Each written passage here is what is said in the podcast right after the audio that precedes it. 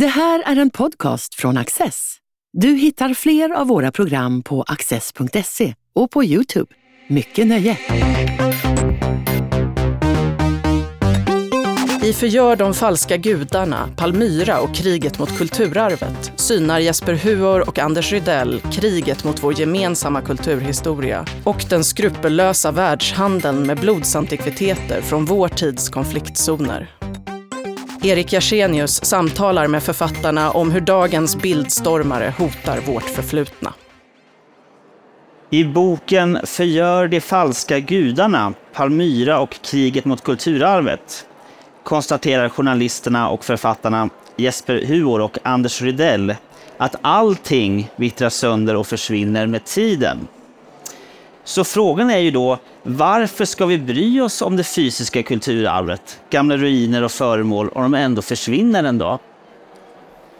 Det är en bra fråga. Eh, saken är att i det här fallet så är ju många av de här uh, ruinerna är ju på något sätt det vi ser som grunden för vår civilisation. Och när IS attackerade det antika kulturarvet och Palmyra och också många andra platser så gjorde det ont i oss. Vi kände ju någonting och många människor kan, kunde kanske inte sätta ord alltid på vad det var man kände, men man, man hade en känsla av förlust.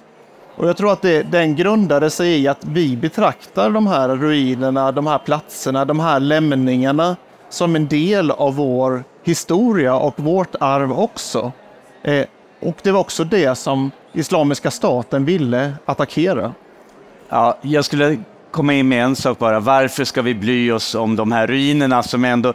Jag skulle säga att de har eh, redan plundrats och förstörts och byggts upp igen redan innan IS tog makten där. Så att, så att egentligen så byggs det upp och det plundras och byggs upp igen. Så att, eh...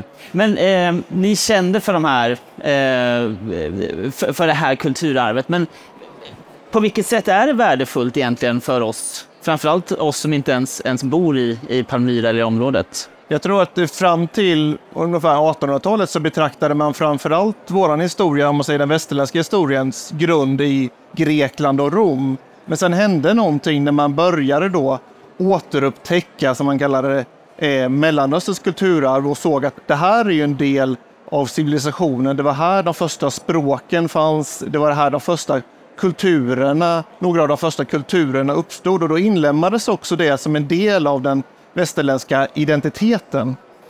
Och det är ju det som också Islamiska staten då har, har tagit vara på och attackerat. Och en, en, stad som Palmyra är särskilt intressant eftersom Palmyra var en gränsstad och det var en stad längs Sidenvägen som blev rik på den här handeln och där uppstod också ett kulturellt möte och en sammansmältning med influenser från många olika delar och där det uppstår en unik kultur i det här gränslandet. Jag skulle fylla i där i att vi ska bry oss om dem för att de är vackra. Och det är en speciell känsla att gå under några ruiner som har eh, se de här templen som har stått där i 2000 år och, och man, man, drabbas av en speciell ruinromantisk känsla då av eh, eh människans litenhet. Det låter ju lite banalt, men man kan se att folk har här och vi har samma former av kolonner och pelare bygger ju stora delar av vår arkitektur på än idag. Så att man, man, det är någon svindlande känsla över det här. Satt ni och kände var för sig så här att nu går det illa och det här är tragiskt. Och sen så, liksom, hur kommer det sig att ni två skrev boken tillsammans? Eh, vi började med det här ämnet separat och jag råkade vid den här tiden i princip sitta i en antik ruin på, på Capri. Jag hade ett eh, stipendium på San Michele och där satt jag och redigerade min en förra bok, Boktjuvarna, som handlar om nazisternas förstörelse av bibliotek och kulturarv.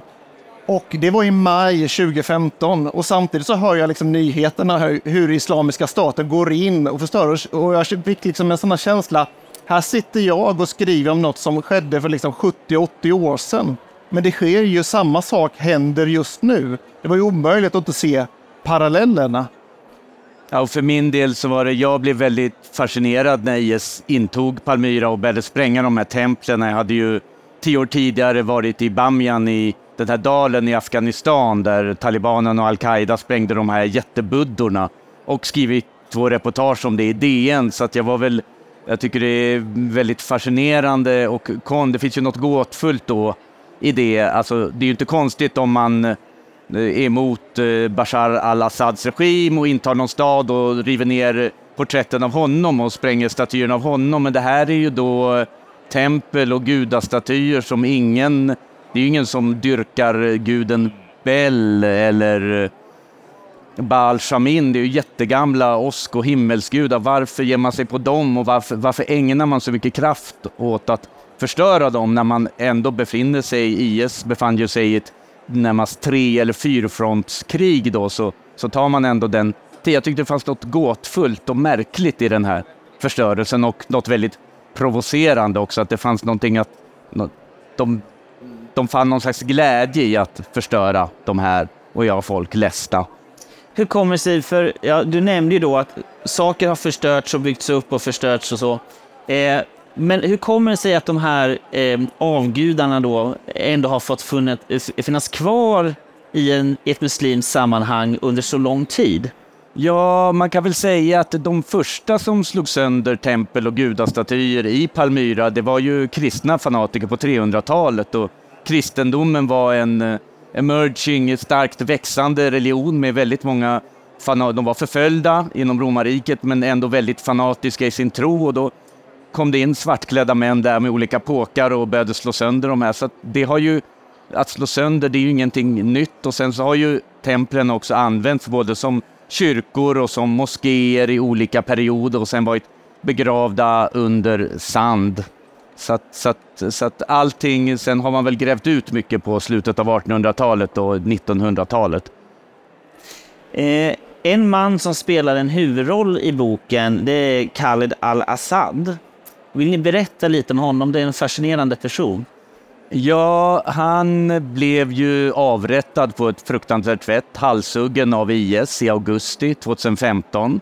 Och han var då 82 år och skulle fylla 83. Och han, han hade ju alla chanser att fly när de intog Palmyra, IS, när de stormade på Hans barn sa flera gånger så ja, men vi tar det härifrån, vi, vi för det. Men han, han vägrade då, han var väldigt envis och sa väl att jag, jag stannar här i stan och de får göra vad de vill och de kan inte röra mig. Han hade väl närmast någon ödesdiger. Och han var ju den mannen som i över 50 år hade varit chef för museet i Palmyra. Han hade ju då gått i pension, men i praktiken så gick han ändå till museet och styrde och ställde. Han var väl lite jobbig då, med så här gammal gubbe. Och, och han var ju strikt muslim eh, och som samtidigt var, man kan nästan säga att han var förälskad i de här avgudabilderna och templen och hade liksom ägnat hela sitt liv åt att eh, försvara och bygga ut det här museet och få uppmärksamhet för det. Så att han var ju en slags eldsjäl och när han blev mördad så blev han också en martyr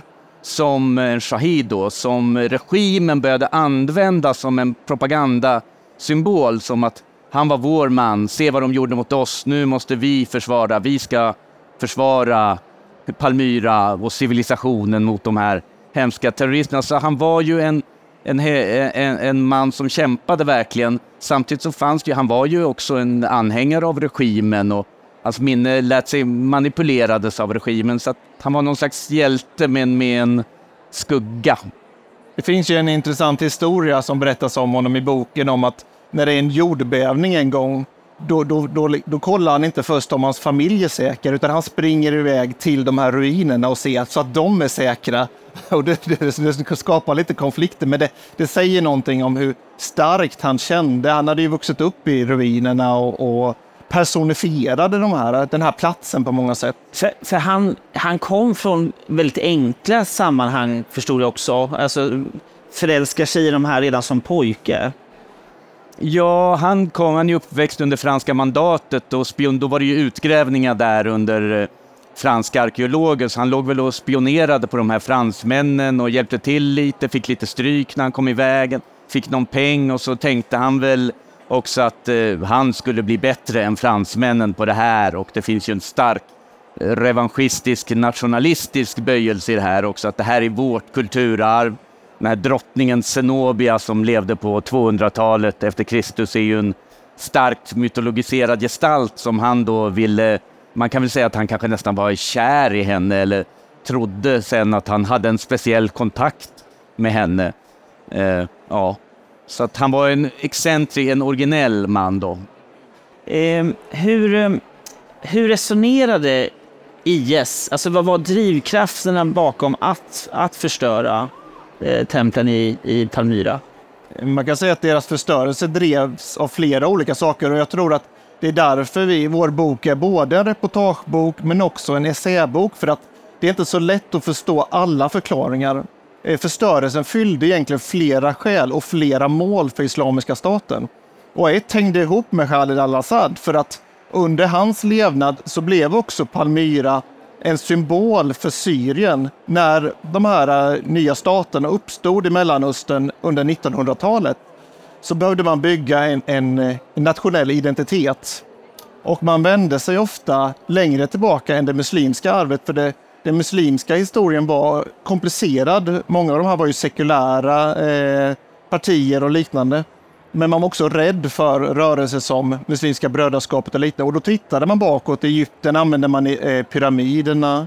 Eh, I Irak så, så blev man besatt av babylonierna. Eh, Saddam, vi, har, vi har ju exempel på hur Saddam Hussein han återbygger delar av Babylon och ser sig som Nebukadnessar återfödd. Och i Syrien så blir det Palmyra. Och Islamiska statens mål är ju på något sätt att utplåna de här staterna som man ser som koloniala konstruktioner, som falska. Man vill riva den här, de här gränserna och skapa då det här enhetliga kalifatet. Och de här staterna, ofta auktoritära stater, har ju utnyttjat det gamla kulturarvet. Och då attackerar också Islamiska staten det för att utplåna möjligheten och, förstöra de här identiteterna. Det är en förklaring. Eh, och det finns... Ja, delvis är det ju bara för att göra folk förbannade helt enkelt. Och vi träffade ju en IS-soldat som hade varit med om de här sprängningarna och avrättningarna och allting i Palmyra. Han var ju själv då släkting med den här Khaled al-Assad och hade sprungit som barn hemma hos honom. Så här är det ju inbördeskrig, att eh, Eh, halva släkten kanske blir rebeller, några går med i IS, några stöder regimen, man mördar varandra. Det är fruktansvärt. Men han eh, jag frågade honom då, så här, men varför var det så viktigt? Han hade en lång historia då om varför han hade blivit IS-soldat och han tyckte väl delvis att han hade kanske blivit ett monster, det var komplicerat då. Men eh, han, eh, jag frågade honom varför var det så viktigt att spränga de här templen och då skrattade han och sa, ja men det är ju bara för att jävlas med er liksom. Och det, är, det är för att jävlas med världen och på ett sätt är det ju så att eh, IS förstår ju att eh, museer är ju nationalismens tempel och de här statyerna det är ju våra, våra gudar på ett sätt om man ser det som att de representerar ju vår tanke om eh, Unesco Unesco, mänsklighetens framväxt och, och ja, det är ett sätt att skada oss. Plus att de här har ju gått väldigt bra. Det är en slags, man gör det ju lite för att skapa coola bilder också. Kanske hade man inte filmat det här så hade man kanske inte slagit sönder så mycket utan man riggar ju då olika kameror, kanske har två kamerateam och spränger de här, tar så man kan göra slow motion, klipper ihop det till en kort häftig eh, Eh, som ett clickbait som man sen släpper på sina olika sociala mediekanaler och de går, har ju gått väldigt bra då. Medan de då kanske filmar avrättningar eller halshuggningar, det tas ju bort. Det är ju ingen som delar det.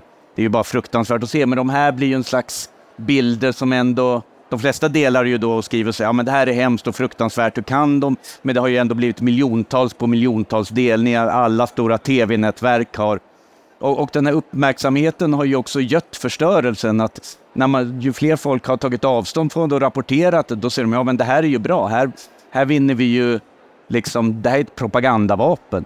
De sprider skräck genom det. Var det givet, alltså var det IS tydliga intention från början eller var det, var det en process att, att hamna i? Det är väl delvis en evolution. Om man tar hela den där rörelsen så filmade ju också Taliban och al-Qaida filmade ju när de sprängde de här buddorna och då är det ju en grynig, jättedålig inspelning som de skickade på någon sån VHS eller minidisk till då Al Jazeera som sände det. Det är ändå lite imponerande och sådär, men sen så har de ju många av dem som, det är ju som en, de har ju haft som en reklambyrå och många av de här videofilmarna och klipparna, det är ju folk från London och Paris som har jobbat på reklambyråer, inte sällan. Det är ju väldigt proffsigt gjort, så att det är en evolution av propaganda kan man säga. Och från början så fanns det väl där, men ju mer uppmärksamhet de fick för det, ju större blev det, ju större produktioner. Så att ja, det är en evolution kan vi säga. Hur, hur reagerade människor i Palmyra på den här förstörelsen? Ja, folk tyckte ju... Jag pratade med en arkeolog Eh, som stannade kvar när IS tog över och de skulle då tortera honom ungefär genom att visa honom bilder på när de körde över mumier, 2000 gamla mumier med bulldozrar. Och så hade de på någon sån mobil och sa titta här, du har jobbat hela ditt liv för de här otrognas hopplösa avgudar och nu ser du, vi kör över dem, vad säger du om det? Så här, så här, för att provocera honom, men han, han var ju redan helt, eh, han brydde sig inte, han hade ju redan sett eh, folk ligga döda på gatorna. Jag tror till och med han sa någonting att det spelar ingen roll, ni kan slå sönder hur många statyer ni vill, men ni har ändå, mm, det spelar ingen roll, det kan inte jämföras med ett barn då som blir, så att, så att det är väl lite olika, men, men, men man kan väl säga som så att eh, många har ju sett, det här är ju en del av deras identitet, att bo i Palmyra, att man är stolt över de här ruinerna. Många försörjer sig på turismen, så att även om man är, folk är muslimer och ganska rättrogna och traditionella, så, så finns det en slags kärlek till det. Det är en del av att vara, komma från Palmyra, att bo med de här. Eh, jag minns sommaren 2015 så, så uppfattade jag, många säkert, eh, IS som en framstormande kaoskraft i, i Mellanöstern på något sätt. Eh, men i er beskrivning av IS så, så uppfattar man det också som en mer systematiskt arbetande organisation när man tar över. Så jag tycker det är en väldigt fascinerande bild. Man kan säga att det är, det är kaosigt organiserat på samma gång och jag menar, det är kaos för att deras framgångar är större än vad de har räknat med och de kommer över stora områden och de har ju som alltid, som alla, liksom som ett techföretag har de ju problem med rekryteringar och hitta folk som kan, kan göra det här. Men ganska snabbt så bygger de upp en effektiv administration, på, framförallt på de områdena som handlar om att få intäkter. Och Det som skiljer IS från många andra och de här jihadiströrelserna, al-Qaida och sånt, är att IS har som mål att vara självförsörjande. Man, man, vill leva av landet. Sen får man donationer och liknande. Men redan i Irak så bildar man en modell för det här. För man vill inte...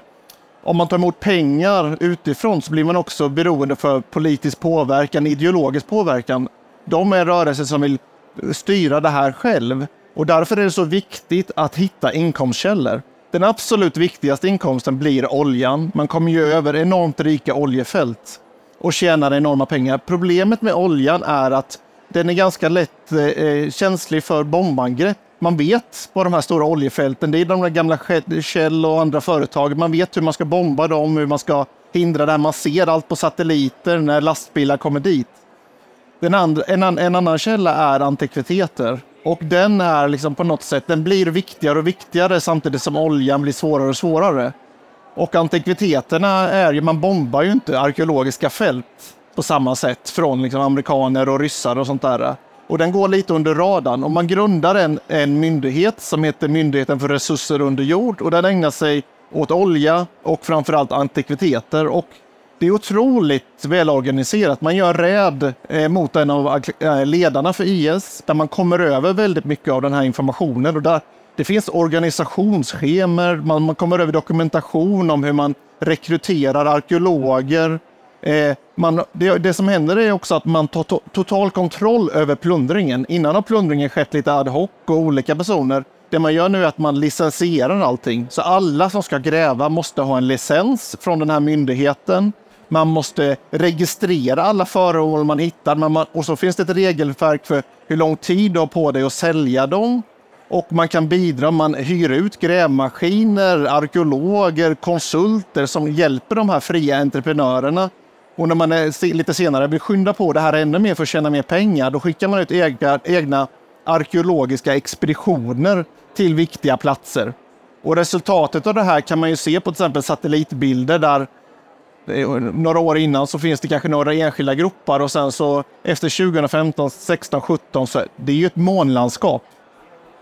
Och om Palmyra är den synliga förstörelsen så är plundringen den stora förstörelsen. Eh, det, det där gjorde man för syns skull. Plundringen förstör hundratals, förmodligen tusentals arkeologiska platser som och den stora tragedin är att vi aldrig kommer veta egentligen vad som fanns på de här platserna. Och de är också förstörda för all framtid för att man har gått in med grävskopor och grävt ut de här platserna på några dagar för vad arkeologer skulle hålla på i flera år.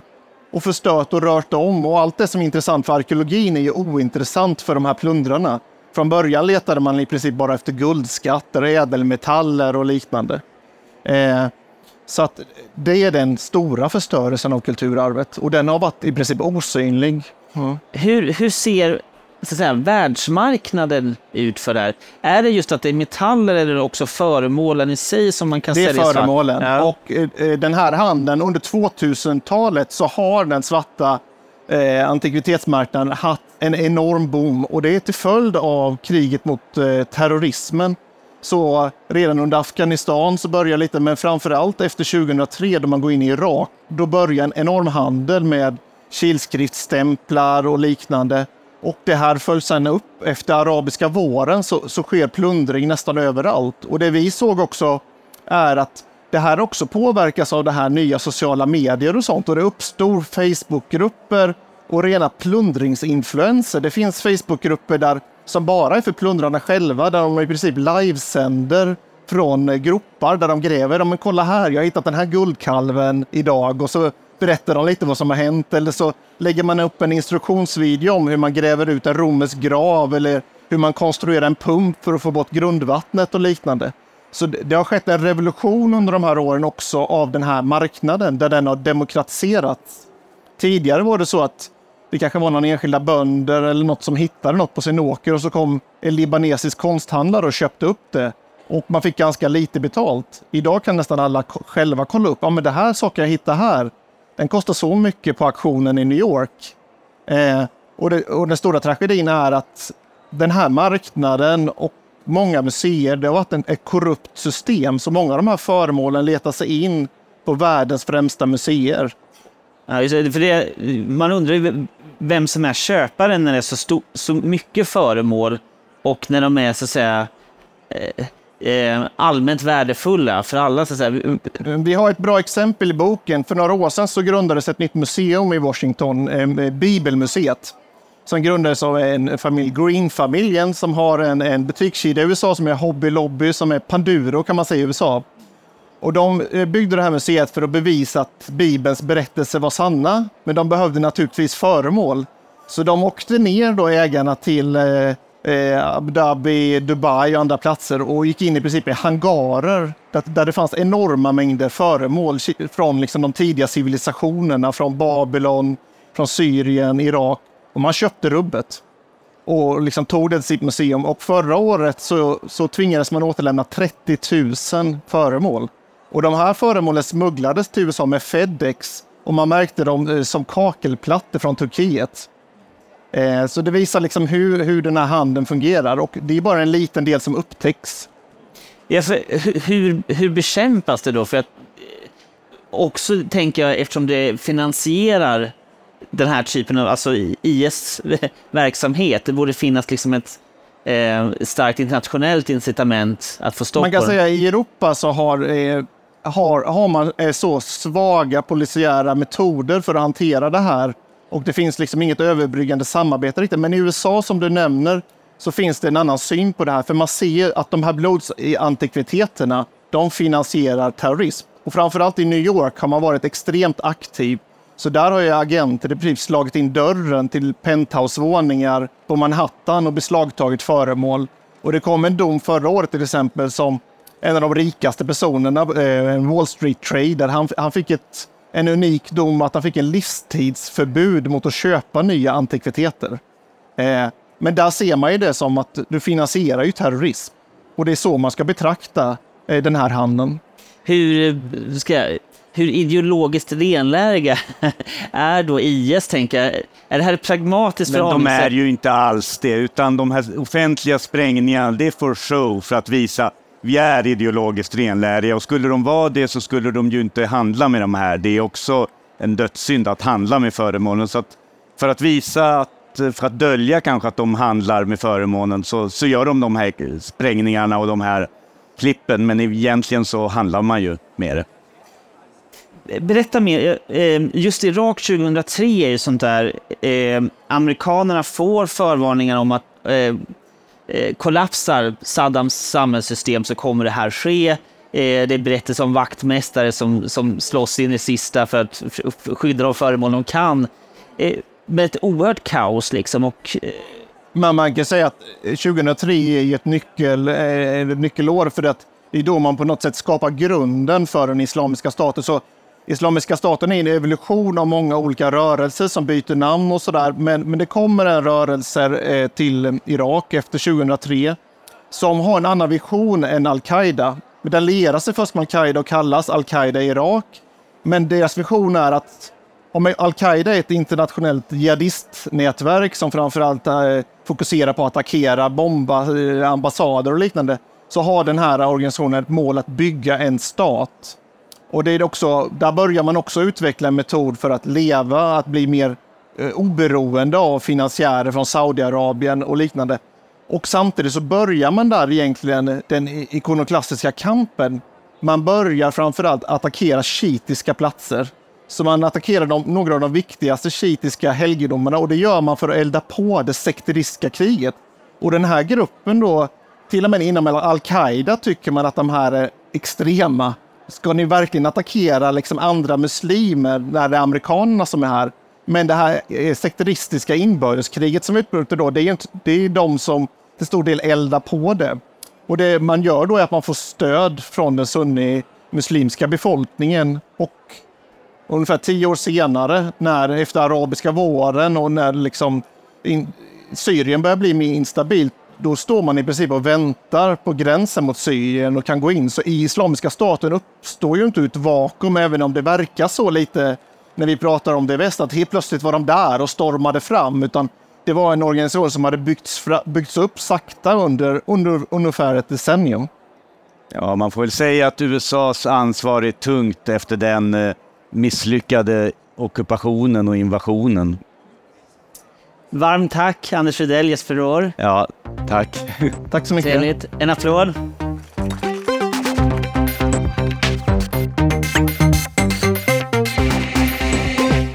Du har just lyssnat på en podcast från Access. Du vet väl att vi också är en tv-kanal och tidning? Teckna en prenumeration idag på access.se.